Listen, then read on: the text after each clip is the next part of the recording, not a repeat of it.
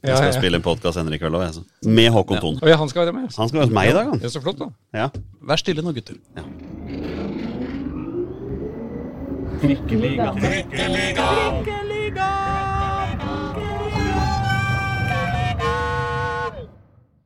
Mine damer og herrer og andre, velkommen til Trikkeligaen sesong 3, episode 27. Nå har vi hatt episode 24 tre ganger på rad, så da er det på tide å greie å bevege oss eh, videre. Jeg heter Aslak Borgersrud, sitter her sammen med kompanjong og partner in crime Reidar Solli. God dag, god dag. Halla. Og vi har en uh, gjest i dag. En, uh, en, en gjest vi har gleda oss i eh, helt siden starten til å, å greie å få hit, og endelig har vi greid å få det til. Uh, leder for Skeidoksene, Jonny Normann Olsen. Det er meg, det. Halla. Halla! Går det bra? Det går bra. Ja. Takk for sist. Jo, takk det samme. Jeg har Ja. vært på besøk i, i din podkast som ikke handler om Skeid, men som handler om landslagsfotball. Ja, den går gjør det ganske bra nå for tida. Ja, den, tanke på hvor bra landslaget gjør det. så ikke sant? Så- Eh, Er det derfor du heter nordmann til Ravna? Vi kan godt si det, men jeg Ja. tror ikke det. Du tror ikke det? Nei, jeg tror ikke det. Du Det har er ikke nok bare en tatt det som, familiegreie. eh, som Tiago, liksom? Nei, så ille er det faktisk ikke. Det er, det er faktisk en familiegreie rundt det der. Er du i slekt med noen av disse fotballspillende nordmann-guttene? Nei, jeg er nok ikke det. Men det, du er ikke det. Har du sjekka? Jeg har ikke sjekka. Jeg blir veldig overraska hvis jeg er det. Ja. Eh, Du har ikke noen nordnorske aner? Nei, det har jeg absolutt ikke. Hvordan het han kasinokongen? Eh, Han som var i VIF? Ja. Ja. Nei, jeg vet hva du mener. ja. Nei, jeg har glemt det. Det Nei, det veit vet ikke jeg. Det må være fra min tid. Nei, nei, det var en, eh, en, eh, en helt ok fotballspiller som eh, het Nordmann. Eh, Men nå husker jeg faen ikke hva. Men også var det en, det var en annen skandale med at han brukte noe penger på et kasino i Tyrkia, eller Ja. et eller annet sånt. Men, Men, eh, men det er det. veldig hyggelig å være her. Ja, men så bra! Det er veldig hyggelig å ha Bare deg for her. å si det, da. rive deg ut av jobben og dra deg ned til eh, Dagsavisens lyse og trivelige lokaler. Ja, nei, når, når, du, når du er på tråden, så, så skjønner jeg at her må jeg bare kaste fram alt sammen og stille. Dette, dette jeg gleder meg til. Ja, for du jobber i barnehage, da? Det gjør jeg. Stille? Eh, heldig nok så hadde jeg tilvakt i dag. Som Ja. gjør at jeg har mulighet til å komme hit på såpass kort varsel som jeg hadde. Eh, Jeg sa det til deg før vi begynte, hadde jeg hatt seinvakt, så hadde jeg ikke hatt sjans. Ikke? Men, eh, men sånn er det. Til gjengjeld så sender jo vi vår eh, Håkon Thon til din podkast seinere i dag. Det stemmer. Så, så eh, det er en slags utvekslingsavtale. Den heter forresten Våre beste menn. Ja, det, det det, det, det, kan være lov å nevne. Det er lov å nevne. Og siden du er altså Skeid-supporter og Norge-supporter, så er det kanskje liksom Det blir jo fort at liksom halve, halve Jonny er veldig deprimert og lei seg og trist, mens den andre halvparten er lykkelig og euforisk og går rundt på en uh, danse på skyene. Ja, altså det er jo ikke Det er jo ikke liv Det er jo ikke et bra liv som fotballsupporter å være skeid mann og supporter av det norske landslaget. Du, du, du, du svever jo ikke på en sky gjennom store deler av livet, liksom. Nei, det er alltids akkurat- utfordringer. Akkurat nå så går det ikke så gærent, akkurat den landslagsbiten. Landslagsbiten går jo helt strålende. Den har nest, kanskje ikke vært så bedre under min levetid. Det er kanskje litt feil å, det er kanskje feil å si. Det. De hadde 90-tallet eller sånn også. Men hvor gammel er du, da? De siste årene er jeg blitt 38. Ja, ikke sant? Så, så 90-tallet var bra for landslaget. Ja, ja. Og Skeid, for så vidt. 90-tallet også ganske bra for Skeid. Ja, det er sant. Eh, nå landslaget bra, Skeid ikke like bra. Men det er lenge igjen sesong. Men det er jo, eh, dere er jo tross alt så høyt oppe som dere har vært på en stund. Det er sant. Det, så det, vi, vi skal, eh, vi skal eh, gi jernet her for å få til dette her, altså. Ja, Bra. bra. Men eh, vi, vi, jeg tror vi må komme tilbake til landslaget. Eh, fordi det syns jeg også vi skal snakke om. Men, For der, der har jo, altså Vi i Trikkeligaen vi er jo veldig geografisk begrensa. ja, ja. Men vi har jo så mye, det er mye spennende Oslo-folk i landslaget. absolutt. Eh, og så spiller de med Oslo, så det angår oss lite grann. Ja, ja, ja, ja. Men, men la oss komme tilbake til det, og la oss begynne på Skeid. Siden det er tross alt det som eh, det, er, det er der du eh, Det er i, i Skeidoksene du eh, Det er hverdagen. Det er hverdagen. Hvorfor heter det egentlig Skeidoksene? Var det ikke noe skei- Skeidkyr uh, når dere starta opp? Var det bare- navnet Skeidoksene tas jo fra Oksefontenen, Jo, jo. som står eh, midt på Torshov, i det vi liker å kalle for Skeidland. Ja. Eh, så det var naturlig at det ble navnet. Tilbake og helt starten av 90-tallet, faktisk. Men du syns ikke det er litt kjønnsdiskriminerende? Det har jeg ikke tenkt på. Eh, det er ingen som har kommet til meg som leder og eh, kommet med noen formelle klager eh, på dette her, så de må gjerne komme, og så skal vi ta en ærlig vurdering på det. Ja, og sikkert avslå. Bra. Ja. Ja, Ja. sannsynligvis. Nei, men det skjønner jeg. Men altså, eh, for å gå til, til det, det, den, den onde, sure verden. Dere har vært spilt ni kamper i årets Obos-liga. Eh, For Skeids del har det vært eh, fem borte og fire hjemme. Nei, unnskyld. Fem hjemme og fire borte. Eh, De fire borte har ført til tap, de, mens hjemme har dere fått én enslig seier. Er det fem hjemme allerede, altså? Er det ikke det? Det er ni kamper, i hvert fall. Ja, det, det, kan, Og- det kan stemme, det. Jeg, jeg lurer på det. Jeg tror jeg har rett i det. Og så dere er over halvspilt liga Ja. med ett poeng og direkte nedrykk. Er det, no, er det noe håp? Ja, det er det. Ja, det er det. Ja, om det er. Oh, ja. ja. da. Jeg får jo mye Jeg vil ikke kalle Jeg får vennskapelig tyn av mine egne eh, på tribunen for at jeg er litt i overkant positiv. Selv om vi ligger der vi ligger. Ja. Eh, men jeg var jo, det har jo blitt nevnt i denne podkasten også, jeg var mentalt forberedt på at den seriestarten kom til å bli blytung. Mm. Med tanke på de, med de, eh, det kampoppsettet som vi hadde. Ja. Eh, jeg spøkte jo med at jeg ble ikke overraska hvis vi sto med 0-0-7 etter syv kamper. Og ja, dæven, det var akkurat det vi gjorde òg.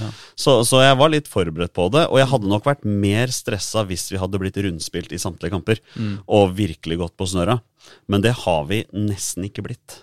Eh, Det er, det er et par unntakstilfeller. altså Brann på Nordre Åsen var jo en kjempeopplevelse. De, var jo, viste seg, de viste seg å være et ganske bra lag. Utrolig nok så er det det. De kan sparke ball der.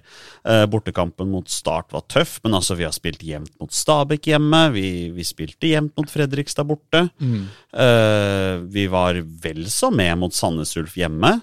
Eh, så liksom så det har vært flere plusser enn minuser egentlig på det meste, bortsett fra det som er viktigst i fotball. og Det er å få ballen i mål og, og vinne kamper. Ja. Så- Særlig det siste. Det hjelper ikke så mye å skåre to mål hvis motstanderen alltid skårer tre heller. Det er noe med det, og selvfølgelig, det ser jo ikke bra ut på papiret at vi står med én seier og åtte tap, men det er ikke mer enn fire poeng opp til sikker plass. Nei. Det er ikke mer enn to poeng opp til Grorud, som ligger på kvalik.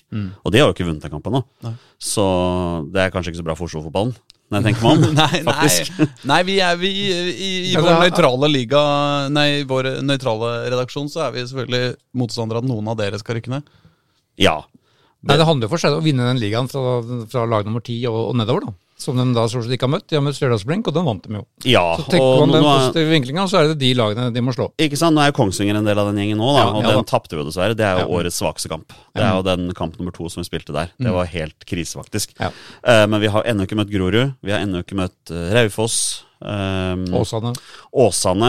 Uh, den kampen skal jeg på. Bortekamp i Bergen i sommer. Det gleder jeg meg til. og Bryne er vel uh. Ja, Bry, vi, vi tar med Bryne også. Så jeg syns jo at dette er kanskje den tøffeste Obos-ligaen vi har sett noen gang. Mm. I forhold til kvaliteten på de lagene som er i den ligaen. Eh, det er jo nesten, det er kanskje sju-åtte lag som, som kjemper om i hvert fall playoff til opprykk, liksom. Ja. Så det er jo, det er selvfølgelig blytungt. Um, og jeg, jeg, jeg får nok mye tyn for å være litt for positiv, men jeg er jo litt realistisk også. Det er jo klart at jeg ser jo hvor skoen trykker for Skeid også. Vi, vi slipper inn litt for lette mål, spesielt på dødball, som jo har vært en anke hos, hos Gard. Og, og vi sliter litt med å få den ballen i mål, men vi, vi skaper jo sjanser. Vi spiller jo bra fotball.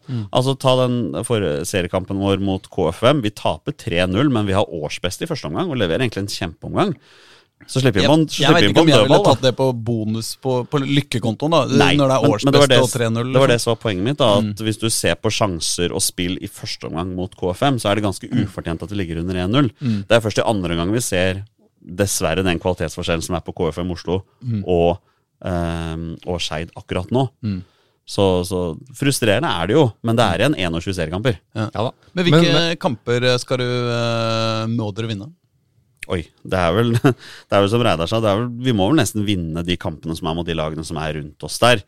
Eh, Grorud helst hjemme og borte. Eh, Åsane i hvert fall en av de. Vi må nok slå Kongsvinger på hjemmebane siden vi tapte mot de borte. Ta poeng mot Bryne. Det er, liksom, det er de kampene som er greie, da. Men jeg tror egentlig Skeid-supportere gir jo egentlig litt beng i hvem det er vi tar poengene mot, så lenge de poengene kommer, da. Og så er det jo litt sånn det er litt bittert å se på det. Vi har spilt igjen mot Sandnes Ulf. Taper 1-0 på omtrent kampens siste spark på ballen. Om det var et spark, eller om det var et skudd i hoften, eller hva det var for noe, det husker jeg ikke helt. Eh, vi er seks minutter på overtid når Brann skårer 3-2 på Nordre Åsen. eh, som da viser seg å være det aller siste som skjer. Ja. Vi taper bare med ett mål mot Stabæk hjemme. Så liksom, dette er lag som alle regner med skal være oppe i toppen. da. Det er jo ingen som regner med at Skeid skal være oppe i toppen. Det Nei, da, men, så, men så fortsetter jo litt eh, altså Vi snakka jo om at de, at de sto med null poeng ved 17. mai. Mm. Liksom, det var da, men nå er det snart, nå er det snart 17. juni. De har fortsatt null poeng. Mm. Eh, og de har Sogndal Tre poeng. Hva sa du? Tre poeng? Ja, ja tre poeng. Unnskyld. De har jo vi, kan, vi må ikke ta bort den Stjørdalsblink-seieren. Altså. Nei, Nei, nei, skal ikke ta bort den, Den var viktig. men de ligger sist. Ja. Uh, og neste, neste kamp er mot Sogndal. Ja. Eh, Det er vel ikke noe opplagt trepoenger, det heller. Nei, og det er en bortekamp. Det, ja, det Det ble jo en nøytral hjemmekamp på Grorud. Den er flytta til Grorud, Grorud Arctic Match. Ja. Så vi håper jo at kunstgress er på plass til hjemmekampen etter det, Ja. som er mot Grorud. Det hadde vært litt kjipt å spille hjemmekamp mot Grorud på Grorud, eh, så jeg håper vi, håper vi slipper det, da. Ja. Så det blir jo spørsmål om hvordan eh, hjemmekampene blir. Med, om dere blir eksperter på kork, eh, kokos, eh, Kork eller bjørk eller furu eller Ja, hva i er all verden det er de har planta. Jeg, jeg er veldig spent på hvordan det kommer til å bli senest Kan, ut. Kanskje det blir en helt unik mulighet for seg, dette her. Ja, det er det jeg mener. Ja, vi får se. ingen andre, ingen andre har. Altså Ja. den tida hvor, hvor ikke sånn, Vålerenga spilte på Bislett, mye smalere bane enn alle de andre. Det er jo en fordel når det er litt rart. ikke sant? Mm. Så kanskje det, kanskje det blir en deres uh, magiske Ja, nå, triks. nå mister vi jo den fordelen vi har hatt da, med å ha et ræva kunstgress. eh, som egentlig har vært en fordel for oss helt ned i andre divisjon. så var det en fordel. Eh, særlig når vi møtte cuplag fra Eliteserien, sånn vi spilte i andre divisjon, for da var det alltid mye klaging. Det syns jeg bare var morsomt. Ja. Nei, nå mister vi jo den, så jeg er veldig spent på det kunstgresset. Eh, men det har jo vært sårt eh, sårt ønsket lenge. Og jeg vet jo, jeg, jeg hører jo på Trikkelenga hver uke. Jeg veit jo hvor lei du, Aslak, er av å snakke om Nordre Åsen kunstgress. Eh, så vi trenger ikke å jeg, bruke jeg koser meg litt med det også, på en måte, men, eh, men eh, Ja, det jeg, er delt, jeg, er litt, jeg er litt delt. eh, Altså, Jeg har jo skrevet veldig mye saker om det. Det er jo ingen som har satt en pistol til huet mitt og krevd at jeg skulle gjøre det. Nei, det er en stor, tjukk bok, eh, alle de artiklene som har vært om kunstgresset på Nordre Åsen. Absolutt. Nå- siste kapittel er vel en helt ulogisk kobling mot Vålerenga, for da å legge det mest miljøvennlige som fins innen kunstgress Jeg syns jo det er, litt, det er litt morsomt og litt trist på en gang. da, At her bruker vi evigheter på å prøve å krangle oss til å få lov til å bruke gummi. altså Skeid bruker enormt mye ressurser på at det skal bli så miljøvennlig som mulig. Eh, men på en Intility er det ikke så farlig. Nei. Derfor de legger kunstgress med, med gummi. Ja, på Ekeberg også. Og på Grorud. Ja, det ser du. Så, Så- det, er, så- det, er bare, det er selvfølgelig bare Skeid skal få svi. Ja. Det er helt sikkert fordi vi er så vokale. Det er sikkert bare fordi vi brå- bråker så mye rundt det. Så Oslo kommune bare Nei, nå skal vi ta dem. Eller, eller det er fordi det er den eneste banen som kommunen faktisk må, må, må fikse sjøl. Det er Fordi de andre har funnet cash Kanskje, fra rike investorer, og dere kjenner jo ingen rike investorer, eh, dessverre, i Skeid. Nei, den ene rike investoren vi hadde, han døde jo, og vi arvet pengene hans. Ja. Så Men dere kan ikke strø Men kunstgresset med gamle aktuell rapport. nei, det, det, vi, har, vi har ikke prøvd. Hvem vet? Strimler det opp og bruker det som eh, dekke? Men i min verden er da dette miljøfokuset til Oslo kommune en ren vits i denne sammenhengen. Helt enig. Jeg eh, skal ikke mene noe om det. jeg. Nei, det kan du få lov til å la være. Nei, men jeg kan avslutte da med å si det at jeg syns det er kjempefrustrerende at når Skeid bruker enormt mye ressurser på å gjøre det så miljøvennlig som mulig, sørge for at så mye av gummigranaten blir værende, så er ikke det godt nok for Oslo kommune. Da er det selvfølgelig kjempefrustrerende som Skeid-supporter å se at Vålerenga får lov til å legge på Intility med, med, med gummi, som de fleste spillere også bruker mest, da, eller setter mest pris på. Ja. Nei, Men- det, jeg må, det jeg må være enig i at er et eh, paradoks, er jo at altså, eh, jeg som er fotballforelder også, og også reiser mye rundt og, og ser eh, ball, så ser man jo at det er veldig mye baner rundt omkring i Oslo-fotballen som hvis de ikke er pussa opp etter eh, tre år siden eller to år siden eller når det nå var, så er de jo så er de jo lagd for at gummien skal renne rett ned i kummene. Ikke sant? Det er jo Ja det som er på en måte meninga. Det kommer rundt hele banen, og alt måkes ned i kummene eh, hele tida. Så det er jo litt absurd å se det hvor det på en måte aktivt er lagt opp til at eh, alt skal ned i kummene. Mens eh, eh, Og der skjønner jeg jo veldig godt at altså, du kan ikke ha gummi som du måker rett ned i kummene hvert flere tonn hver vinter. Det, det låter jo meningsløst. Men så har man jo lagd disse gjerdene og disse ristene og disse spesialbeskytterne. Samme det. Ja. Samme det. Men alt var, alt, var, alt var ikke bedre før, da når jeg vokste opp som ung Skeid-spiller. som Jeg, jeg spilte jo tross alt på Skeid da jeg var Ja, du gjorde. Da var det jo grus på Nedre Åsen. Ja. og på varme dager så var det nesten umulig å se banen, for det blei jo støv over hele. Så det var jo helse, direkte helsefarlig å være der. Ja, ja. Og hvert år så håpet vi at vi havna i pulje med Gryner, Ja. fordi de hadde jo kunstgress på Dælinga. Og for oss var det himmelen å dra den til å spille der. Ja. Selv om vi, vi var unge og dumme og ikke visste bedre enn at det var sannsynligvis kneødeleggende for alle Ja, på den tida der. Eller, eller Altså, Jordal. Gryner var tidlig ute, da. De fikk det. Gryner var veldig tidlig ute. Ja, Eh, det Dette var- er, der snakker vi 90-tallet, liksom. Eh, Jordal Amfi var også tidlig ute. Men der var, Ikke der var Jordal det Amfi, men Nei, unnskyld. Ja. Jordal kunstgress. Men der var det jo ingen som ville spille. Nei. Fordi du svei jo opp all hud du hadde på beina når du skulle Altså, takler den var, var fæl. Var livsfarlig. Det var tynn filt. filt Ja, ja, det var helt, helt Men det er formelt den første kunstgressbanen i Oslo. Ja. Kanskje i Norge? Hva sa de? Kanskje i Norge? Ja, kanskje det, men er det er jo utafor vår sektor. Dette er Men kunstgresspodden. eh, tilbake til fotballen. Eh, du som ser eh, nøye på Skeid eh, sine kamper. Er det Hva må gjøres? Hva er det som ikke er bra nok? Er, det liksom, er du så lykkelig og, og så veldressert at du bare Nei, dette kommer til å gå bra, alt er fint og flott, det står på. Eller er det lagdeler som uh, må eh, oppjusteres, uh, trenere som må gå, uh, daglige ledere som må få buksevann? Altså, Jeg gir gjerne Daniel Holmeid Strand buksevann hver dag, jeg, hvis Ja. det er det som må, må til. Men jeg tror ikke det er det som skal til for at Skei berger seg. Nei. Jeg var mentalt forberedt på en, en kamp for å berge plassen uansett. eh, med tanke på kvaliteten på de andre lagene og eh, kvaliteten på Skei, da, som lag. Eh, vi mista Simen Hestnes, vi mista Abel Stensrud. Det er ikke bare bare å erstatte de. Jeg syns jo Bendik Riise, som har kommet fra Hødd, har vært en veldig solid eh, eh, tilvekst der. Jeg syns egentlig at eh, de som har kommet inn, har vært ganske solide på det nivået som vi har lyst til å være på. Men det er klart vi står her med én seier og, åtte tap, så det er jo ingen tvil om at skoen trykker et sted. Om jeg skulle gjort noen forandringer ehm, Vel, det er jo ikke til å stikke under en stol at uh, arbeidet på defensive dødballer bør uh, skjerpes.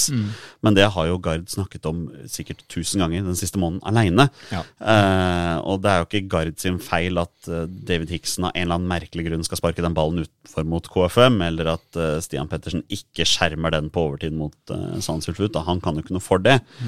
Um, eh, nei, så det er klart at noe kan nok gjøres, men jeg, har- jeg har litt tiltro til dette her også. Nettopp fordi at vi har ikke blitt direkte rundspilt. Vi har ikke blitt direkte overkjørt i nesten noen kamper i år. Og, og da er det jo noe som fungerer. Det, det er klart de gjør det. Vi skaper en del sjanser, men vi skulle nok skapt mer. Men akkurat nå så tror jeg egentlig det sitter mest i huet på spillerne, altså. At det er nok de som må ta noen prat med seg sjøl og tenke liksom hva kan vi gjøre annerledes rundt dette her. Noen av mine medsupportere er jo veldig vokale i forhold at de ønsker for eksempel at vi skal legge om til å spille med to spisser Mm. istedenfor én. Eh, Gard Holme har jo forklart oss supportere hvorfor han velger å spille sånn som han gjør. Han mener jo at Jonny Budson og, og Gabriel Andersen, som er de to spissalternativene våre, er for like. Mm. Noen er enig i det, noen er uenig i det. Jeg er nok en av de som er mer enig i det. Eh, Så jeg ser ikke noe problem med at eh, Budesson spiller mest. Eh, Og så er jeg nok også litt skeptisk hvis, hvis vi skulle lagt om til to spisser. Hvordan i all verden hadde det sett ut da? Hvordan skulle man fått det til at det hadde blitt forsvarlig, da, både offensivt og defensivt? Men nå er jo heldigvis ikke jeg fotballtrener. Jeg er bare en sånn synser jeg, som står på sidelinjen og hoier og skriker og blir sår i halsen etter to ganger 45. Men jeg ville gjerne sett at han prøvde det. Med Gabriel og Jonny, Jonny på topp. Ja. Eksempel i cupkampen mot, mot Frigg. Nå, er jo, nå har jo, nå har jo Holmen den fordelen at han er på alle skjærtrenger, noe, noe vi ikke er. Så, så det er vel en grunn til det, men, men det har slått meg at eh, de, de gangene Gabriel har kommet igjen, så har det skjedd noe ganske kjapt for han der. Jeg tenker at hvis han skal prøve ut den muligheten i kamp, så må det skje i morgen. Ja. Uh, uten tvil. Um, jeg er veldig spent på hva slags lag han sender ut på i morgen. Nå fikk vi jo flytta den cupkampen som egentlig skulle vært forrige uke, og det kjenner jeg at jeg er veldig glad for. Det tror jeg var smart. Eh, det tror jeg var veldig smart, Ja. med tanke på at vi har kamp allerede på mandag og som påfølgende søndag. Så tror jeg det var lurt. Men for Eh, at uh, lytterne skal henge med, altså i morgen, det er onsdag den uh, 14. 13. juni Onsdag 14. juni. onsdag 14. Ja, og da skal Onsdag 15. juni. Unnskyld, der ser du. Og da skal også. Skeid spille eh, bortekamp andre runde i cupen Yes. eh, mot eh, Frigg. Altså Hvis ikke det er et historisk oppgjør i Oslo-fotballen, eller sant? i Norgesfotballen På Tørteberg 2. Ja. Ja. Der hadde den kampen blitt spilt på 70-tallet, så hadde det nok vært tusenvis av tilskuere på, på kampen. Ja. Eh, I dag la Frigg ut billetten og sa at her blir det maks 300. Ja, nettopp. Så de har lagt ut 300 Har de i det hele tatt eh, 300 seter, eller? er Nei, det har de jo ikke. De har, de har har, 100, tenker jeg. de har to tribuner, jeg tror det er tre rader på Ja. de, eller noe sånt. Ja. Det er klart, Nå skal ikke jeg som Skeid-supporter skryte hemningsløst av det vi har på Nordre Åsen, men det er bedre enn det var for f.eks. ti år siden. Jeg har eh, sett eh, Skeid eh, spille mot Vålerenga i cupen eh, på, eh, på Nordre Åsen ved et par anledninger. Ja. Eh, Og begge gangene så har jeg stått på en fin haug av gummigranulat. ja, ikke sant? Der ser du. Ja, nei, Vi møtte jo Vålerenga i cupen for noen år siden, men da var det jo ikke like bra som det er nå, da. Det er bedre enn det har vært før. Men snart, samme det. Ja. Vi møter Frigg i morgen. Ja, og det blir gøy. Ja, altså, det blir gøy. Jeg har ingen forventninger til den kampen. Har du ikke? Nei, altså, Jeg har forventninger at jeg vil at vi skal vinne, Ja, men jeg blir ikke kjempestressa hvis vi eventuelt skulle ryke ut, for cupen er bare en ren bonus for meg i år uansett. Mm. Og som, som vi kom inn på her, er det en kamp som Gard Holmes skal eksperimentere nå før serien begynner igjen, så må han gjøre det i morgen. Mm. Så Derfor er jeg kjempespent på hva slags lag vi bruker. Altså Mot Oppsal i første undercupen så brukte vi Skeid 2 Mm. med et par mann i forsvar. Det gikk jo helt greit, for Oppsal på den tida var jo dessverre Mm. fryktelig svake.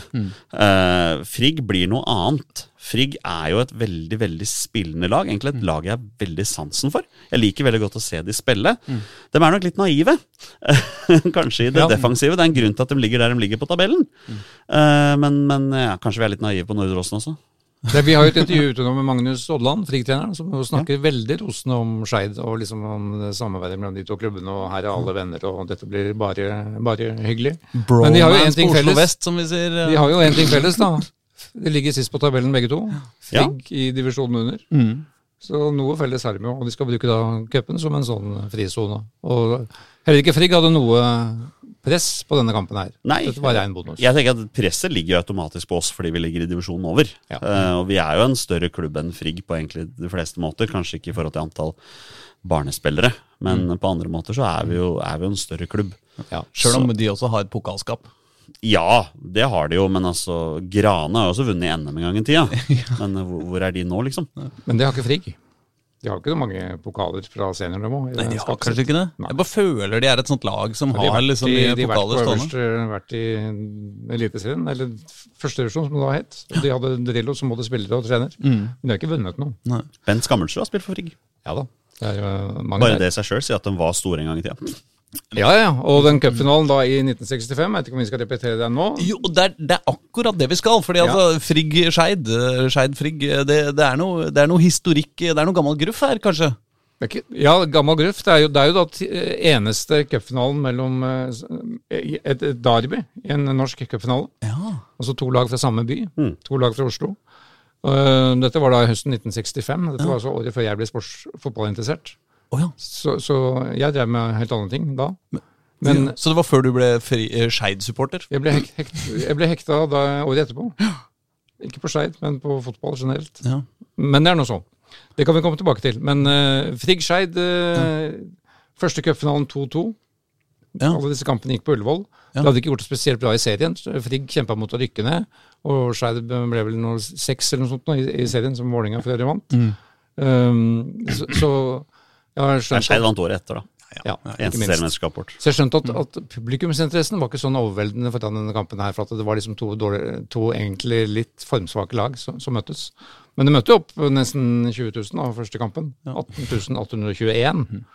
Tore Fjelstad tok, eh, sendte Frigg i ledelsen. Eh, Trygve Borne, selvfølgelig. Legenden utligna. Um, Ekstraomganger. Arne Bergersen for eh, Frigg. Og Kai Sjøberg, en annen legende. Eh, Mange legender i Skeid. Og da, Altså, Jeg har aldri hørt om noen av dem, jeg må innrømme det. Men uh, jeg stoler jo på dere, selvfølgelig. Ja, nei, nei, vi bare hekter på legende etter de fleste av disse navnene her. Ja, sånn, Skeid, disse årgangene her. I de- de Oslo-fotballen er de dette legender, ja. Dette er legender. Ja. Men denne, det her var jo ikke straffesparkkonkurransene funnet opp, Nei. så det, slikt drev man dem ikke med. Og vi hadde tid til å spille omkamper. Ja, ja, ikke sant, Så da bare satte man opp en ny kamp neste uke? Ny kamp neste søndag. Åh, Det er deilig. Ullevål stadion, da kom det litt færre. Da kom det 8826. bare ha ja. Per Pettersen, ikke minst en eh, legende i Oslo-fotballen. Sendte Frigg i ledelsen. Tenk hvor mange legender du har gått glipp av. Altså. ganske, Ja, ganske tidlig. Mens Pål Sætrang, enda en legende, Også legende. utligna da, da for Skeid. Eh, Så skjedde ikke noe mer i den matchen. Og så gjorde de da Altså, det ble 1-1, ja. Da ble det 1-1. Ja, ja, altså enda en ny kamp. Tredje, da ble det 2-2 i første, 1-1 i andre, og så tredje forsøk da 7. november 1965. Da kom det en sånn 200-300 stykker. Fortsatt på Ullevål stadion, da kom det 8990. Altså, dette må ha vært standhaftige fotballsportere. Ja. Men da er vi et oppe i et Ja, men altså, jeg skulle gjerne tatt tre, tre cupfinaler eh, etter hverandre, jeg. Altså, jeg hadde jo ikke klaga på det. Men totalt sett er vi et oppe i et publikumstall på 36 637. Da. Sånn sett er det kanskje den mest sette cupfinalen eh, noensinne. Det vil jeg sånn tro. totalt sett. Spilte over 180 minutter. Nei, det blir mye mer enn det. Nei, ja, det blir 200 og... og Herregud, nå står det helt stille her. Ja. 200 pluss. 270, kan vi si. da. 270 blir det selvfølgelig. Men da skjedde det at uh, da, da for første gang i disse cupfinalene så tok Skeid ledelsen Oi. ved Terje Gulbrandsen, faren til uh, Solveig, TV-eksperten Ja, nettopp. for øvrig. Også legende. Også legende. Han spilte vel både i Vålerenga og Skeid. Ja, både han og hun er på en måte legende. Ja, Ja, absolutt. ja. absolutt. Så det er helt vanvittig med legender i disse kampene her. Legendekamp. Og så ble det 0-2 med Pål Setrang igjen. Han har, vi, han har vi nevnt som en tidligere legende. Og så utligna da, jeg reduserte, da Frigg fem minutter før slutt.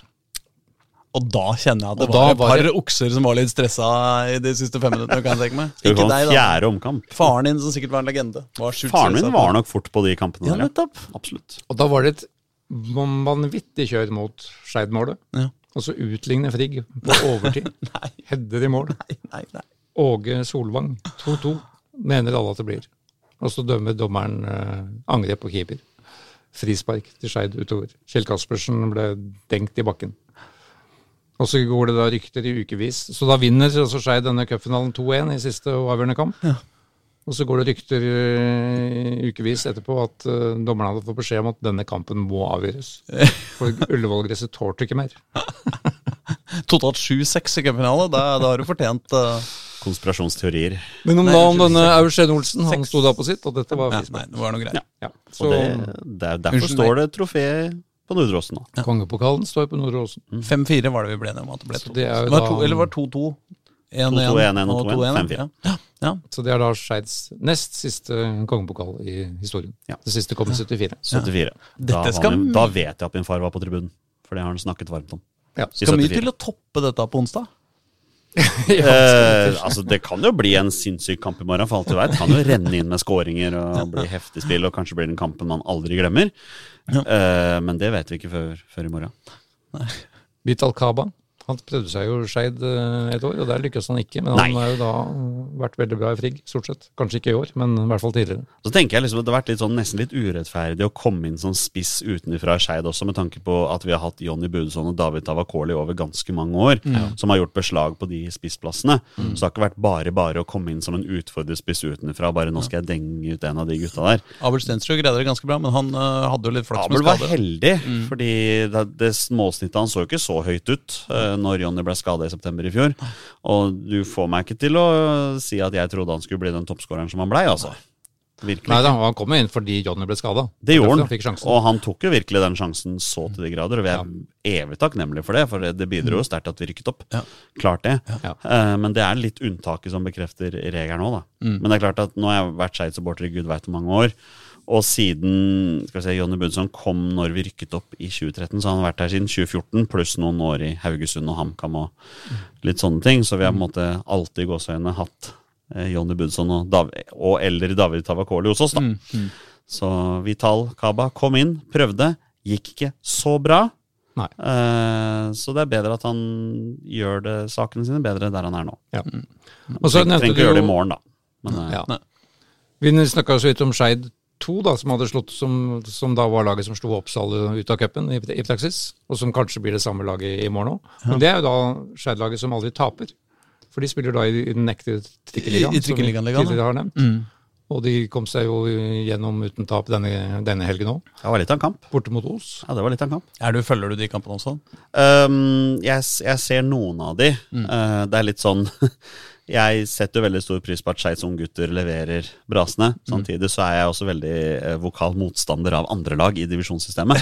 Så det er litt sånn Ja, jeg er veldig glad for at Skeid 2 gjør det bra, men samtidig så vil jeg nesten ikke at de skal gjøre det bra, fordi det blir litt sånn Jeg liker jo ikke andre andre lag, så hvorfor skal jeg like mitt eget andre lag? Liksom. Jeg liker ikke andre lag i det hele tatt, jeg, men jeg liker mitt eget for det. Ja, men der ser du. Ikke sant? Og, og Vålerengas andre lag er jo den store synderen i år. Ja, ja, ja. Alle, alle veit jo det. Ja, da, Men hva, hva sier du hvis de ødelegger opprykk for Lyn? Som i teorien kan skje, men eh, jeg, jeg tror ikke noe på det. Nei, jeg, jeg tror heller ikke noe på det. Nei. Um, hvis, hvis det ender opp med at det er Skeids andre lag som ødelegger for Lyn, så har Lyn bare seg sjøl å takke, Ja. tenker jeg. Med tanke på at de har den beste troppen, de største økonomiske forutsetningene for å rykke opp. Eh, Så hvis ikke de klarer det i år, så er det helt og holdent deres egen feil. Ja, det er jeg helt enig i. De snubla jo nå eh, sist helg mot eh, borte i Bergen, og Ja. mista jo serieledelsen. Ja, du snakket om små baner. Jeg Ja. så den andre omgangen der og trodde nesten ikke helt det jeg så. Det, var, det, var det noen skrev at den var 90 ganger 60 meter? Ja. Det er, det er lite, det. Det er lite, at Idrett får lov til å spille på det. det Ja, ja, det er pussig. Men jeg ble veldig overraska. Altså, jeg så jo Skeids tredje lag nesten i gåseøyne smadre Frøya 6-1 for noen uker siden. Mm. Og jeg så for meg at det laget kom aldri til å slå, så jeg ble litt overraska da Lyn ikke klarte mer. Men Ja. Oppsal tapte jo der Ja da. noen uker før det, så Men tilbake til dette Skeid-laget. De spilte vel bare 3-3. Det endte nå mot Os. 3-3 mot Os. Det var jo flere hundre tilskuere på tribunen og, Ja. og god stemning. Og igjen så sender vi da et lag som ikke har noen A-lagsspillere på- i det hele tatt. Det er jo et veldig Ja. ungt lag, Ja. men de, de slutter ikke å overraske disse unggutta, altså. Og det, det setter jeg enormt stor pris på. Vi har mange unge, spennende talenter i klubben vår. Nå har de jo signert eh, et av dem, da. For det, er jo grunnen til at, eh, at de ikke kan ha brukt disse spillerne i Obos-ligaen, fordi de er amatører. Ja, Så nå har da Emil Tjøstheim fra dette annet laget blitt signert inn i Asdalen. Ja. Florin Lokai, som kom fra Vålerenga for to år siden, han har jo også signert nå. Ja.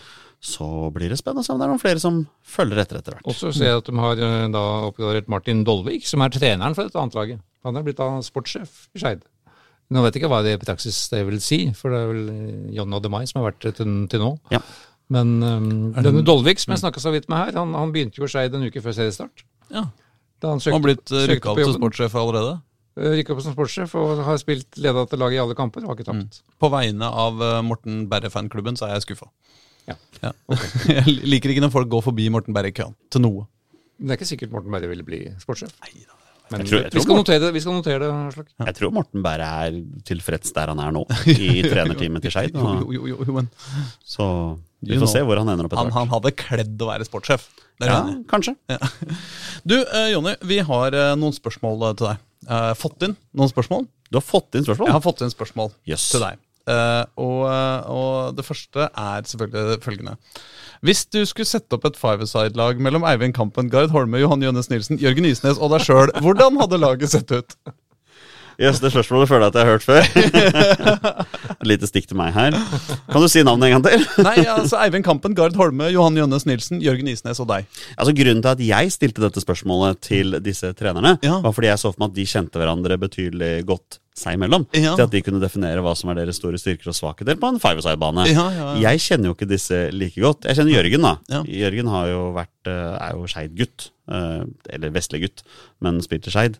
Mm. Så hvis vi skulle hatt et five-a-side-lag der, så hadde jeg i hvert fall satt meg sjøl i mål. Eh, Jeg har jo spilt en del futsal, five-side, Mm. opp gjennom årene. Og da har jeg enten vært keeper eller spiss. Det er det jeg har kondis til. Det ville vært ganske breialt å ta deg sjøl som spiss. Ja, det, det hadde jeg ikke turt. Nei, nei. Eh, Jeg tror heller jeg, jeg, jeg hadde nok satt meg sjøl i mål, og så hadde jeg sikkert delegert jobben med å sette opp resten av laget til de andre. Ja. Eh, Det er veldig feigt å si, så jeg har ikke tenkt å gjøre det ja, nå. men Da må du jo bestemme hvem av de andre som er den beste treneren. Som kan sette opp dette. Ja, altså, det er jo Gard Holme. Ja, du mener det, Ja, ja. Helt objektivt, eh, uten et fnugg av tvil. Ja. Jeg tør ikke å si noe annet. Nei, Så nei, det, må, det så må det. jo være det. Uh, nei, jeg vet jo ikke hva slags egenskaper uh, Jønnes Nilsen har på banen. Han er Kamp, kampen har jo spilt en del uh, fotball på høyt nivå. Ja. Jeg hadde nok sagt Isnes bakerst, i hvert fall. For han har jo spilt en del bak eh, spiller i futsal. Mm. Isnes og, og Holme bak. Og så hadde Jønnes Nilsen og Kampen løpt på topp. Jønnes Nilsen spilte vel noen kamper i Korsvoll da de var oppe i annen tredje divisjon her for noen år siden. Det er mulig. men uh, bort på banen var det har jeg ikke helt oversikt over. Det høres ut som noe sånn idrettshøyskoleopplegg. Ja ja, det er det jo. Ja. Uh, Man kan jo spille fotball for det. hva er den beste supportersangen til Skeid Oksene? Vi har en, en helt fantastisk sang som heter 'Det her er Skeidland'. Mm. Den er jeg veldig, veldig glad i. Eh, og Da synger vi egentlig om, om det som vi omtaler som Skeiland. Da. da navngir vi flere forskjellige steder i, i Oslo, da. Så det er en sang som vi setter stor pris på. Så er det jo, kommer jo ikke unnom Sassasa, Nei, som nei, jo da er roper 50-60 ganger i løpet av en kamp. Er ikke det egentlig Norges mest innarbeida kamprop? Jo, jeg tror det er Norges eldste også. Ja, det Så tror jeg jeg. tror det er derfor vi, det er derfor vi bruker det. Vi hadde en Eh, intern diskusjon om kamprop i de forskjellige klubbene, og da, og da er det det som kommer opp først. Ja da, og, og vi er jo ikke det eneste laget i landet som bruker det. Uh, vi vet jo at Tromsø bruker det. Uh, jeg har jo lært etter at jeg ble både kjent med og gift med min kone, som kommer fra Ottestad rett utenfor Hamar, at de også bruker det. De bruker det også. Sasa sa bra bra Ottestad. Ja, og de, de har faktisk brukt det i HamKam òg. Ja, det er skandale, selvfølgelig. Ja, så for det er jo, eh, altså i alt sin på en måte litt sånn pussighet eh, Det er jo litt pussig, dette ropet. Hvorfor sier dere egentlig sa-sa-sa, liksom? Det jeg vet ikke faen jeg. Eh, men det er jo veldig innarbeida og, og catchy. Det er, det er mye identitet i det, på en måte. Ja, Det det, er jo en del av Skeid-identiteten, er jo det heiaropet. Ja. Eh, så veit du at det er mange supporterklubber ute i Norge som ikke syns noe om det, og syns det er et teit rop. Men det gir jeg så beng i. Det, det er, Jo, men det er det er litt rart? Det er litt sånn på en måte Jeg, jeg, jeg, prøver, jeg prøver å skryte av deg her nå, altså. Ja, ja, ja. ja, men, Ja, men det men- klinger jo. Ja, ja, ja, Det men- klinger, og det er lett, det er lett å rope. Eh, så da er det vel lett å få med andre på det. Et godt Det er supporterrop skal, rope, skal kunne ropes mens man gjesper. Ja. Uh, er min mening. Og så er det mulig å huske. Absolutt. Det er viktig for supportersanger eh, nå til dags, at de er lette å huske. Ja. Absolutt. Ja. Uh, dessuten så er det en fordel at den ikke trengs å synges eh, 20 ganger etter hverandre. i Det er veldig sant. Og det her er Skeiland er ikke en sang som synges mer enn kanskje én til to ganger i løpet av en omgang. Uh, og den er jo på uh, fire, li fire linjer. Ja. Noen. Men er det du som starter disse sangene? Det er eh, Ja, of, ofte er det meg. Ja. jeg føler at jeg har den rollen i Skeidoksene. Det er noen andre som også hiver seg utpå. Ja, for du har, du har vel stemmeprakt nå? Litt sånn? Du har jo en ganske kraftig rest. Jeg har jo en eh, betydelig bassstemme Ja, eh, ja. skjult i denne kroppen her, og den er ganske, kan være ganske høy. Ja. Eh, Jeg må dempe den når jeg er på jobb, for å si sånn, med, med små barn, for de kan jo bli skremte. Ja. Eh, Og det vil jo ikke ha noe av. Da mister jeg jobben. Eh, Så det, så det vil jeg ikke ha. Men det er, ja, det er stort sett jeg som starter de. Mm. Jeg vil ikke kalle meg for en capo eh, av, av den grunn likevel. Nei, for du, står med, du ser på Det er, kampen. det er noe med det. Ja. Eh, Jeg er jo såpass dum, da, eller hva du vil si, at jeg ikke helt forstår poenget med en capo. For når jeg går på kamp, så vil jeg se kampen. Mm. Så, Ja. Men der er jeg, da. Hvis Skeidoksene en gang skal gå for langt, eh, hva, hva vil du helst at det skal Hvordan vil du helst at det skal være? Hvis det, hvis det liksom blir Hvis alle fotballpodkastene i Norge sier nei, denne gangen gikk Skeidoksene over streken, hva håper du at, eh, at er historien bak? Oi, da håper jeg det er noe eh, Noe som ikke det trenger å være fryktelig ufarlig. Kanskje en, en lett banestorming, kanskje? Eller, eller, eller noe sånt. Ja. Jeg håper det er virkelig ikke noe mer enn det. Nei, ja. Eh, vi, er, vi har en god eh, in, intern selvjustis i Skeidoksene. Mm. Eh, og der er vi egentlig veldig tydelige på hva vi, hva vi vil ha, hva vi ikke vil ha. Vi Mm. vil jo selvfølgelig ikke ha noen form for basic ting, altså rasisme, nazisme, Mm. altså sånne ting. Det vil vi jo ikke ha noe av. Eh, så vi, vi hysjer ned ganske fort hvis det er noen som kommer med noen ubekvemsord som ikke trenger å være der. Mm. Og det er klart at på Nordre Åsen så er det jo også eh, ganske mange barn som er på kampene. Der har Skeid vært veldig flinke det siste året med å få veldig mange barn på kampene. Det setter vi enormt stor pris på. Uh, det er klart vi, Gjennomsnittsalderen i Skeidoksene er forholdsvis høy. Jeg tror jeg er en av de yngre. Og det sier litt når jeg er 38, så vi blir jo ikke yngre med årene, vi heller. Og det er veldig mange av de samme kjente fjesene som er blant skeidoksene som når jeg begynte å henge med skeidoksene tilbake i 97-98. eh, når jeg var 13-14 år. Så det er klart at også vi trenger å få nye fans inn i supporterklubben vår. Eh, og da må vi begynne et sted. Og da er det greit å begynne med de kidsa som er rundt, og ikke prøve å skremme vettet av dem når de først tør å stå sammen eller stå ved siden av oss. Så det kan være litt med det også. Og så er jeg veldig stolt over å være en del av skeidoksene også. Nå har vi tilbrakt ganske mange år i andredivisjon, og vi er ikke vant til å ha eh, motstandersupportere på kampene våre, verken på Nordre Åsen eller når vi er ute på tur. Eh, og det vet jeg at spillerne også setter pris på, at selv i andredivisjon så er det en funksjonell supporterklubb som faktisk stiller på de fleste kampene og er med. Og det er jeg veldig stolt over. Hvilken kan merker dere at, at Skeid er et merkenavn når dere er på bort, bortetur? Eller er, er det en glemt? Er, er det bare vi nostalgikere som eh, definerer Skeid? Nei, det, er- det er enkelte kamper hvor vi, hvor vi merker det, ja. Mm. Det er nok noen som uh, gjør litt ekstra flid av det når Skeid kommer på besøk. Det skjer ikke ofte, Men noen ganger skjer det. Uh, det skjer jo hver eneste gang vi tar turen opp til Grefsen stadion. Ja, Eh, ja. Kjelsås har jo ikke fans. Det er jo en klubb som ingen bryr seg om. Selv ikke fan... Jeg beklager, jeg kan ikke være politisk korrekt hele tiden. Nei, nei, nei, ikke, ikke vær det. Eh, Kjelsås er en klubb som ingen bryr seg om. Selv ikke folk som bor der oppe, bryr seg om Kjelsås.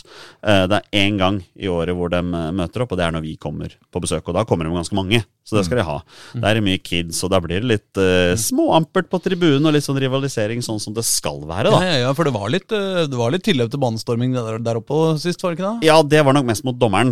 Eh, han ga jo oss, eller han ga jo Kjelsås to relativt billige, billige straffespark. Ja. Eh, så da kunne fort blitt banestorm med dommeren og et lett dask i hodet på Jesper Solli, ja, som filmet seg til disse to straffene. Eh, ja, alle veit han gjorde det. Så det er det. Og så husker jeg godt en, eh, en seriekamp. Da var vi nede i tredjedivisjon. Tilbake i, i eh, 2013. Da skulle vi møte utfordrer Oslo City Ja. på bortebane. De spilte oppe på jeg tror det var Rommen kunstgress. tror jeg det var en sånn. Og de hadde aldri noen form for vaktsystem eller noen ting på, på hjemmekampene sine. Så kom vi, da hadde de engasjert to vakter, hadde satt sperrebånd rundt hele og krevde 100 kroner i inngangsbillett. Og det tenker jeg er helt greit. ja, men det, det, det, jeg skjønner det. Altså, Altså, du må jo synes det, fordi Skeid har jo nå en eh, Det er- lite, lite grann erfaring jo, jo, å jo, tulle jo, litt med men, men jeg har full forståelse for at liksom små klubber, når det kommer en stor klubb på banen, at de ser sin mulighet til å tjene inn litt ekstra mm. i det som allerede er trangt budsjett. Jeg, jeg har full forståelse for det. Jeg skjønner det veldig godt. Mm. Uh, ja, kanskje et lite stikk bort til Lynland, da, som ikke skjønner det like godt. Men uh, nei, jeg skjønner det. Mhm. det gjør jeg. Så Kjelsås, Definerer du Kjelsås som erkerival? Eller som den mest irriterende motstanderen, I mitt hode, eh, for meg personlig, så er Kjelsås den store rivalen, ja. Ja. Det er det. Uh, når jeg vokste opp, så var det jo Vålerenga. Mm. Eh, det var jo naturlig at det blei sånn, men når jeg vokste opp, så var jo Vålerenga og uh, Skeid også i Eliteserien sammen. Mm. Lyn var jo også der litt iblant, men det var liksom Vålerenga som ble liksom storrivalen. Mm. Og det ehm, det forsterket seg utover 2000-tallet, selv om vi da var nede i, i førstedivisjon og noen ganger nede i andredivisjon, så forsterket det seg fordi Vålerenga hadde en tendens til å, la oss kalle det, for, la oss være ærlige og si, stjele noen spillere fra oss. Vi har, vi har en god, god ja, track record der på å plukke ja, opp altså, spillere fra Da tenker jeg ikke bare på A-laget, men kanskje litt nedover i yngres avdelinger og sånn også. Mm. Så, så for meg var det liksom naturlig med Vålerenga da. Mm. Og så blir man litt eldre, da. Også litt mer sånn Så er det ting som forandrer seg. Uh, min, min bestekompis og forlover er jo Vålerenga-supporter. Mm. Så da blir det jo liksom Det blir ikke det samme hatet som en ung, dum 14 år gammel Jonny Normann Olsen hadde, da. Mm. Og jeg er ikke Jeg hater ikke fo fo- folk i fotball. Mm. Ja, men jeg gjør ikke det. Jeg hater ikke Jeg misliker. Det må være lov å si. Og den klubben jeg misliker sterkest som rival, er Kjelsås. Men det har de faktisk skyld for sjøl.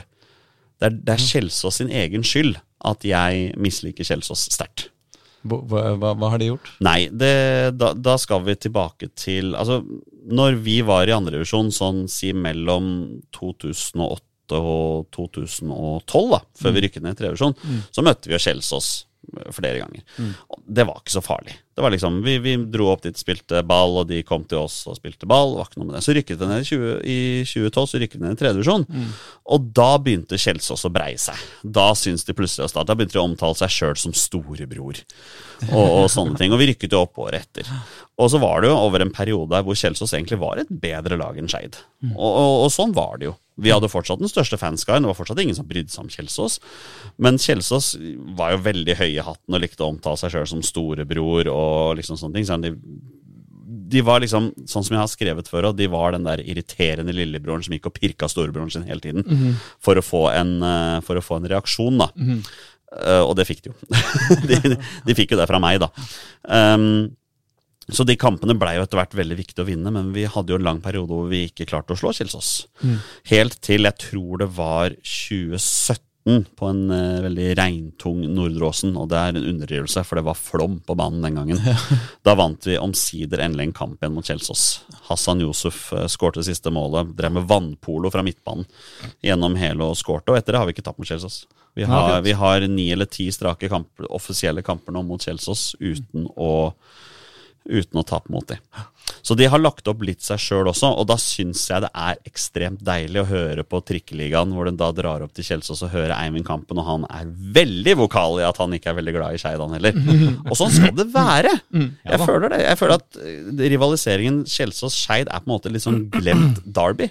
Som jeg syns det er viktig å få fram at eh, det er ingen som er veldig glad i hverandre der oppe. Man får jo litt sånn følelsen av sånne gamle dager, sånn Oslo øh, hvor, hvor, liksom, øh, hvor det var bydelene som, som sloss, liksom. øh, Hvor det ikke var sånn Oslo hater Bergen og Trondheim og sånn, men det var liksom kampen mot Vålerenga og, og ja, ikke sant, Skeid mot Kjelsås. Og Absolutt. litt mer sånn lokal Ja, for det er jo, det er jo ordentlig bydels-derby. Ikke sant? Det er jo, det er jo fire-fem trikkestopp imellom. Og Ikke sant? Og, det, og, og jeg mener jo at forutsetningene for at Kjelsås skal ha et habilt fotballag, det er jo til stede der oppe. De, de, de holder jo for seg sjøl oppe på platået. Det er jo bare én vei ut og inn. Så det er, liksom, Ja, ja, ja. det er jo vel det laget som har vært lengst i andredivisjon, tror jeg. Sam, sammenhengende. det stemmer. Det- det skal vi ha for. Eh, for min del kan de bare rykke ned. Jeg, Ja, ja, okay. jeg, er, jeg er litt lei dem nå. De kan Ja. få lov til å rykke ned og bli der. Men hvis dere hadde satt opp en eh, bom, eh, bomvei på eh, omtrent eh, altså rett over Storokrysset, da, Mm. eh, så ville det vært veldig mange Kjelsås-supportere som hadde måttet betale den i hvert fall et par, par ganger om dagen. Men nå finnes det ikke så mange Kjelsås-supportere i seg sjøl er fra før av heller. Nei, nei, nei. Jeg syns jo det er fascinerende at liksom på Disen, på Nordre Åsen, der har du en klubb hvor det faktisk er veldig mye engasjement rundt klubben. Altså Bare se på tilskuertallene våre i år. Selv om ja, vi hadde fullsatt mot Stabæk og Brann, som liksom var forventet, men det kommer 900 tilskuere mot Stjørdalsblink, liksom. Det, eh, det var ikke noe jeg trodde Nei, skulle skje, ikke sant? Ja. Og det er veldig mye engasjement rundt klubben. Så går du fem trikkestopp opp i gata, så kommer du til Kjelsås, en klubb som ingen bryr seg om. Og det er jo ikke noe engasjement rundt Kjelsås som fotballklubb. Det er så de, går på rull, de går på rulleski. Altså, Ja. Kjelsås er jo en svær klubb. Ja, ja, og, og de snakker jo hvert år om at de skal ha ambisjoner om å kjempe i toppen og sånn, men de er Ja. ikke gode nok til det. Men altså, de har fint teknisk museum. Altså, det er en skiklubb. Teknisk museum er veldig fint.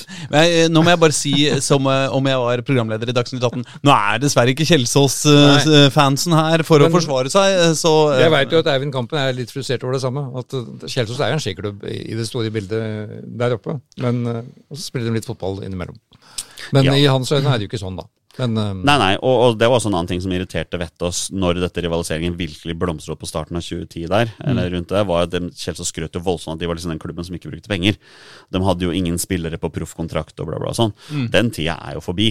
Altså Kjelsås, en klubb som trekker kanskje 50 tilskuere på kampen sin, de, de har jo lønna spillere. Altså De får ikke en spiller som Ole Erik Midtskogen til å spille på Grefsen stadion for lommerusk, liksom. Og det er en bra spiller. var han kunne jeg tenke meg selv. Han, han var god i Færøyene. Ja, ikke sant? Eh, nei, men eh, em, jeg lurer på om eh, vi skal bevege oss over på, på landslaget, hvis ikke du hadde noe mer eh, Ja, for de spiller jo så på Skeid Årlyns gamle hjemmebane. Eh, og, og det er jo, jeg husker jo til og med den, det var en gang i tida Skeid hadde fem spillere på landslaget som starta. Det er vel tilbake på 70-tallet, tenker jeg. Det var før min tid. Jeg husker en gang Vålerenga hadde fem Skeid-spillere som starta. Ja. Ja, det er Ja, det skjer ofte. Ja, apropos på Vålerenga-Skeid. Nå, er- nå er jo Skeid jo infisert av tidligere VIF-folk, både på banen og i trenerapparatet, og Ja, ja. hele systemet der er jo Så samarbeidet mellom VIF og, Skeid må være ganske bra. Ja, dere stjerte Melkjord altså, liksom. Fy faen. Ja, stjerte i, i, i den form av at han ikke fikk et tilbud videre i Vålerenga. Men, men jeg er litt enig i det Reidar sier der også, og det er kanskje også derfor jeg føler at det, det, det, barnslige hatet jeg hadde da jeg var yngre, har på en måte vokst litt bort. Det er fordi jeg tror både Skeid og Vålerenga veit hvilke plasser de har i hierarkiet sitt nå. Vålerenga er den største klubben. De underpresterer hvert eneste år. Sorry, Aslak. Det Nei, nei, gjør nei, de, altså. Det er sant. Eh, Unntatt uh, i 2004, kanskje. men, de, men Vålerenga som klubb burde være mye bedre enn det de er, og de burde ha flere folk på kampene sine. Så det, det er mye feil i Vålerenga. Og så har de også et utrolig bra ungdomsakademi. Altså, de beste spillerne fra Oslo flommer jo til Vålerenga. Alle vil i utgangspunktet spille for Vålerenga. Vi andre klubbene er jo de som må på en måte plukke restene da, til å fylle opp på våre juniorlag og sånne ting. Og det er nå naturlig at når det er spillere som gjør det bra for Vålerenga 2 på andrelaget sitt, ønsker å prestere videre, men får ikke tilbud i Vålerenga, så er det naturlig at de går til andre klubber. Absolutt. Og det er klart vi har fått mange spillere fra Vålerenga opp gjennom årene som vi har satt veldig stor pris på. Henning Tønsberg Andresen, en kom på. Mats Andersen. eh, Markus Melkjord nå. Eh, ja, altså Lista er lang der, da. Og, og jeg er veldig glad for at disse, disse spillerne må ha et sted å spille. Og jeg er jo veldig glad for at ambisjonen deres er såpass høy at de velger å komme til oss, da. Så og jeg tenker også, jeg tror også Vålerenga setter litt pris på at spillerne som de ikke vil ha lenger, får prøve seg videre andre steder også. Mm. Og ikke bare legger opp, liksom. Ja, altså jeg må si at jeg tror at uh, hvis Skeid en vakker dag, og det, det vil jo være en vakker dag, det er jeg enig i, skulle rykke opp til Eliteserien og, og på en måte faktisk uh, liksom ikke være helt på nedrykksplass der heller, men være med å, å slåss litt da, i Eliteserien, da, da tror jeg nok helt sikkert vi ville bli bitre, bitre uvenner uh, som, øh, som normalt er. Det er jo helt, det er jo helt naturlig. Ja. Altså For ti- år siden så brydde jo ikke jeg meg i det hele tatt om KFM Oslo. Nei. Hva var det for noe? Sånn, en breddeklubb nede i fjerde divisjon. Nå liker jeg dem ikke. Nei, men Nå, mis, nå misliker jeg dem skikkelig. Og det til tross for at de har en uh, likende trener. Ja. Nei, men Det er det som er så fint med fotballen, er det ikke det? det kan Ja, ja, vi Samme Grorud òg, da. Bare for å nevne det også. Altså, for, for 20 år siden så prøvde de seg med Groruddalen ballklubb. GBK det var jo et prosjekt som var dømt til å mislyktes. Og istedenfor å prøve å lage en ny klubb, så fant de ut at nei, vi skal satse på Grorud som, som klubben i bydelen. da. Det er mye lettere for meg å ha respekt for Grorud med tanke på det arbeidet de gjør rundt der. Men jeg er ikke glad i dem likevel. Jeg vil gjerne slå dem. Ja, for, de må jo, ja, for de, nå er de jo rival, og det, det kan jo bli rett og slett Grorud eller Skeid. Vi er jo nesten avhengig av å slå dem. Ja, faktisk. Ja. Ja, og Dere er ikke bare avhengig av å slå dem, dere er avhengig av å dunke dem ned i, ned i en divisjon. Ja, altså, Nesten. altså for- Jeg ser gjerne at både Skeid og Grorud berger seg. Mm. Det er jo kort reisevei til bortekamp. Ja, ja. Og jeg er jo veldig glad i Oslo-fotballen. Jeg har jo et veldig brennende engasjement for Oslo-fotball. Det, er derfor jeg- det er derfor jeg satt her forleden og så en kamp jeg aldri hadde trodd jeg skulle se. Jeg tror det var, ja, det var Kjelsås 2 mot Lokomotiv Oslo i går, faktisk. ja, ok. Ja. Ikke sant? Bare men Jeg blir sittende og se andre omgang av den kampen. Ja. Så det, da sitter jeg og tenker at jeg er kanskje litt vel engasjert i Oslo-ballen, men jeg syns det er veldig gøy å, å se likevel. da. Og jeg vil jo at Oslo-ballen skal gjøre det så bra som mulig. Jeg ville ha så mange Oslo-lag opp fordi det er korte reiseavstander, men fordi det også viser at hovedstaden er en fotball vi har satset på. Så jeg ser gjerne at både Skeid og Grorud berger seg. Stjørdal springt ned. Og Bryne. Det kan vi Ja. være enige om. Stjørdalsblink og Bryne, Ja. de kan rykke ned. Så det er jo litt surt å se i trikkeligaen-ligaen at per dags dato så er både Kjelsås 2 Altså Kjelsås 2 kan gå ned, for det er et andre lag. Ingen bryr seg om det uansett. Men det er litt surt å se at både Grei og Reddy ligger under streken. Ja. Jeg skulle gjerne ha sett at de bytta plass med Frøya og eh, ja, Fyllingsdalen, da. Ja. Mm. Og Stabæk 2. Ja, for hvis du, hvis du har det forholdet du har til Kjelsås, eh, så skjønner jeg at Kjelsås 2 også må komme ganske lavt ned på den eh, skalaen din. Ja, men, ja, eh, men jeg er ikke glad i andre lag uansett. Nei. Jeg er veldig vokal etter jeg vil ha det ut av seriesystemet. Men landslaget, ja. Ja, Likheten mellom skeidoksene og den gjengen som, som holder med landslaget, er det vi, vi forskjell? Ja, det vil jeg si. Ja. Dem er jo betydelig flere enn oss. Ja. Vi kan, vi kan jo begynne Det kan nesten håpe. Ja. Ja, heldigvis for det norske landslagets del så er det mye flere. Jeg synes det, det arbeidet som er blitt gjort i Oljeberget, som den supportgjengen kaller seg, av en er eller annen grunn. ja, ja, hva slags grunn kan det være? Er veldig bra. Altså Det gjør veldig mye bra. Vi har jo savnet å ha et engasjement, et ordentlig supporterklubb på disse landskampene.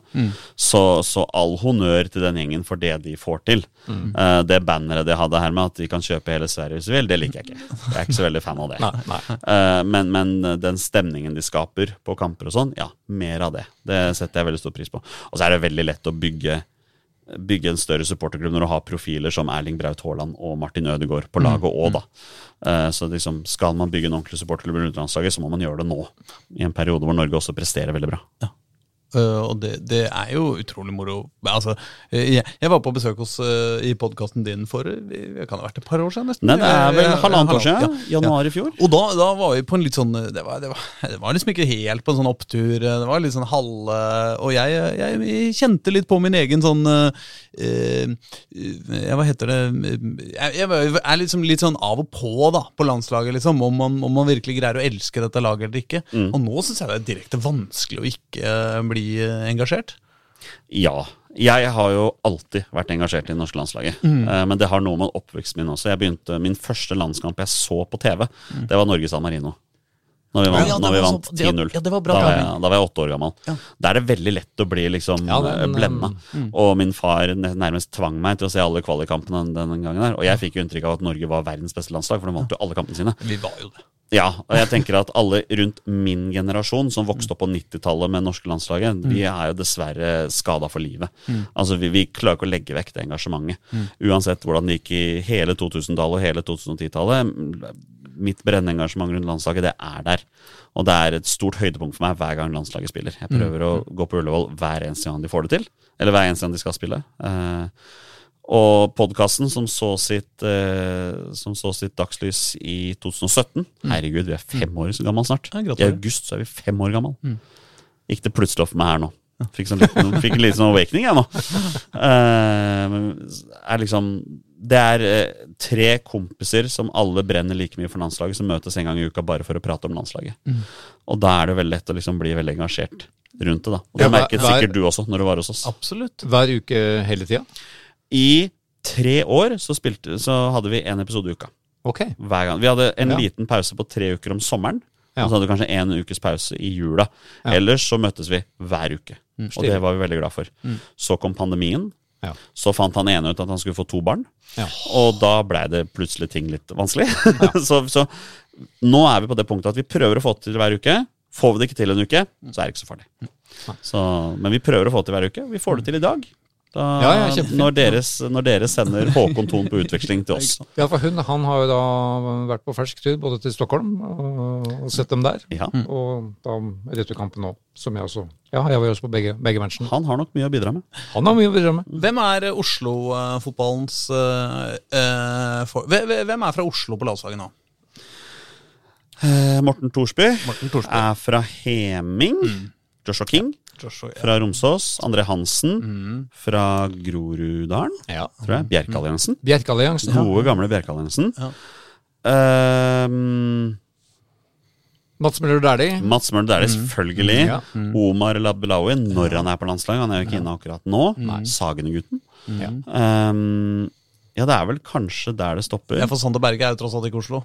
Nei, han er Asker. Ja, er litt Men for ti år siden så var det jo ingen Oslo-gutter på landslaget. Så det har jo kommet noen opp der også. Mm. Jeg personlig er ikke så veldig opptatt av hvor de kommer fra Nei. når, når de spiller for landslaget. Nei, nei, nei. Så, Men, eh, men eh, vi er jo det. Ja, Eh, og eh, jeg er kanskje litt feil av meg å si det i en podkast om Oslo-fotballen. Men, eh, men en hvilken som helst tilknytning til Oslo Oslo er jo egentlig greit. da Oslo altså Så Sander Berge han på en måte teller fordi han har tross alt ja, Han har på en måte blitt til i Vålerenga som Ja. fotballspiller. Ja, ja, ja. I, eller som voksen, voksen fotballspiller. da eh, Og det, det syns vi trekker litt opp. Men hvem tror du, du som følger Oslo-fotballen såpass tett, hvem tror du er den neste Oslo-fotballspilleren på landslaget? For Vålerenga burde jo hatt i hvert fall én landslagsspiller. Ja, det er litt flaut, men det, det har vi nå en gang ikke. Ja, altså, men, men det kunne vi snakket om, at landslagsspillerne fra Oslo bør jo komme gjennom Vålinga. Ja. Sånn egentlig. Jo, jo. Eh, Men jeg skjønner at det er vanskelig for Vålinga å prøve å bygge og bli en storklubb samtidig som du skal satse på unge spillere. Det er vanskelig å si. Eh, Vi har jo en 18-åring som debuterte på G18-landslaget i går, som heter Jakob Napoleon Romsås. Som vi er veldig glad i. Ja. Eh, Vi synger sangen hans på kamper når han presterer. Den har vi stjålet fra deg, forresten, Aslak. Det var veldig gøy.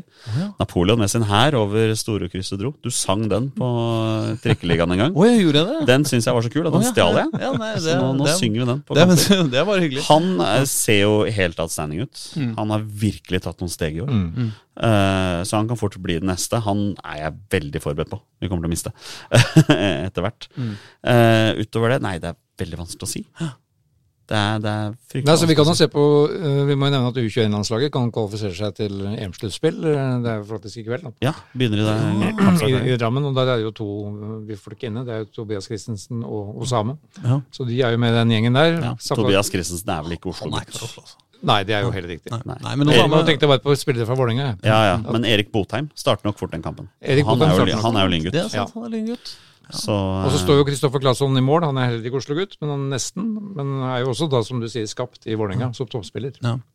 Ja, Borchgrevink, har han en sjanse? Han er fra? Strømmen, tror jeg. Eller- er, er det det han er, ja? ja. Borchgrevink, ja. Jeg eh, En vakker dag? Nei, skal litt mye til, kanskje. For, I podkasten vår for et år siden så satte jeg opp et drømmelag eh, av spillere som jeg mener skal starte for Norge i VM i 2026. Ja. I åpningskampen i VM i 2026. Og da hadde jeg Christian Borchgrevink som høyrebekk.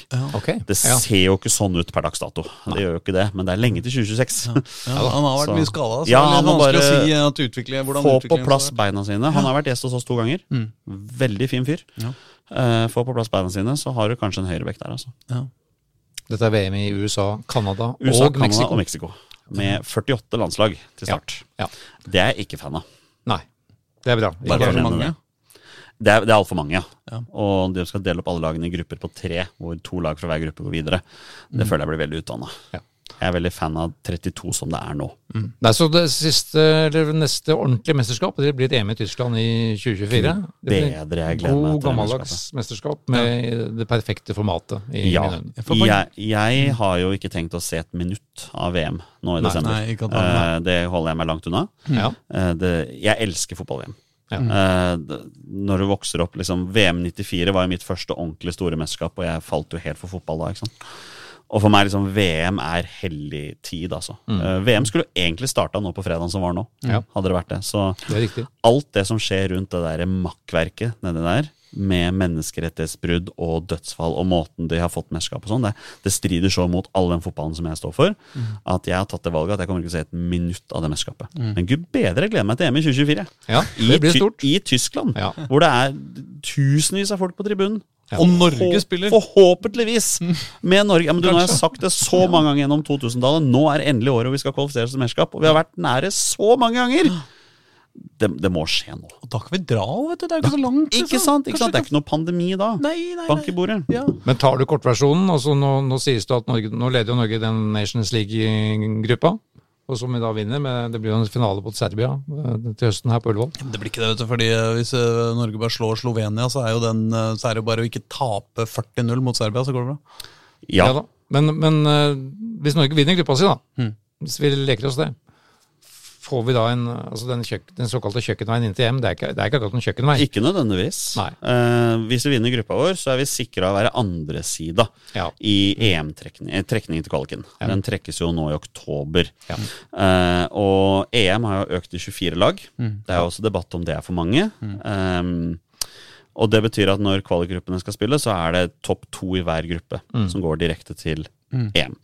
Og Norge blir Jeg sier det her nå. Jeg, jeg, jeg er ganske sikker på at Norge kommer til å bli andre sida. Vi vinner den gruppa her nå. Jeg tror ikke vi taper både Nå skal jeg banke bordet hardt her. Eh, sånn. Jeg tror ikke vi taper både mot Slovenia borte og Serbia hjemme.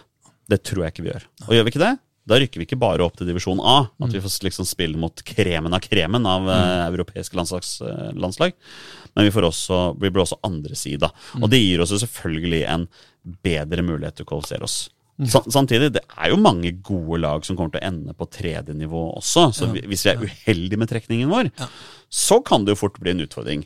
Men kom an. Vi har et av de mest spennende landslagene vi har hatt noen gang. Vi har mm. kanskje verdens beste spiss på topp, altså verdens beste rene spiss på topp. Vi har Martin Ødegaard i verdensklasse. Vi har eh, folk på banen som spiller jevnt over i ålreite klubber rundt om i Europa. Så hvis vi ikke kommer oss til EM nå, da, da, da gjør vi det aldri, tror jeg.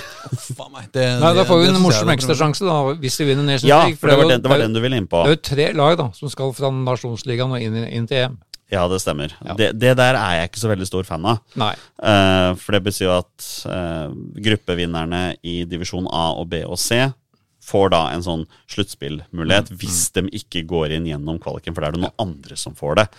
Um, jeg kan forstå det i divisjon A med tanke på kvaliteten der. Til tider også um, eh, divisjon B. Divisjon C, der er det mye svakt. Ja. Det sliter også med logikken der. Hvorfor den skal Ja. ha en plass. Det Det- irriterende er jo at det blir sånn surrete opplegg med hvis som at det dersom altså fram og tilbake opp og ned. Det burde liksom være Er, er, er ikke fotballens natur sånn Ok, det er elleve folk på det laget, elleve folk på det laget, de spiller mot hverandre, vinneren vinner, liksom. Ikke sånn Altså, altså I EM som var nå, så var jo Nord-Makedonia med. Og de kvalifiserte seg da gjennom divisjon C. De hadde jo ikke klart det i en ordinær, i en ordinær kvalik. da. Men jeg syns jo ikke at eh, 24 lag er for, er for mange. Der er jeg faktisk en av de få som syns det er egentlig helt greit. Ja. Selv om det er liksom, vi har 55 um, nasjoner i Uefa. Så liksom av 24 av 55, det høres jo veldig mye ut.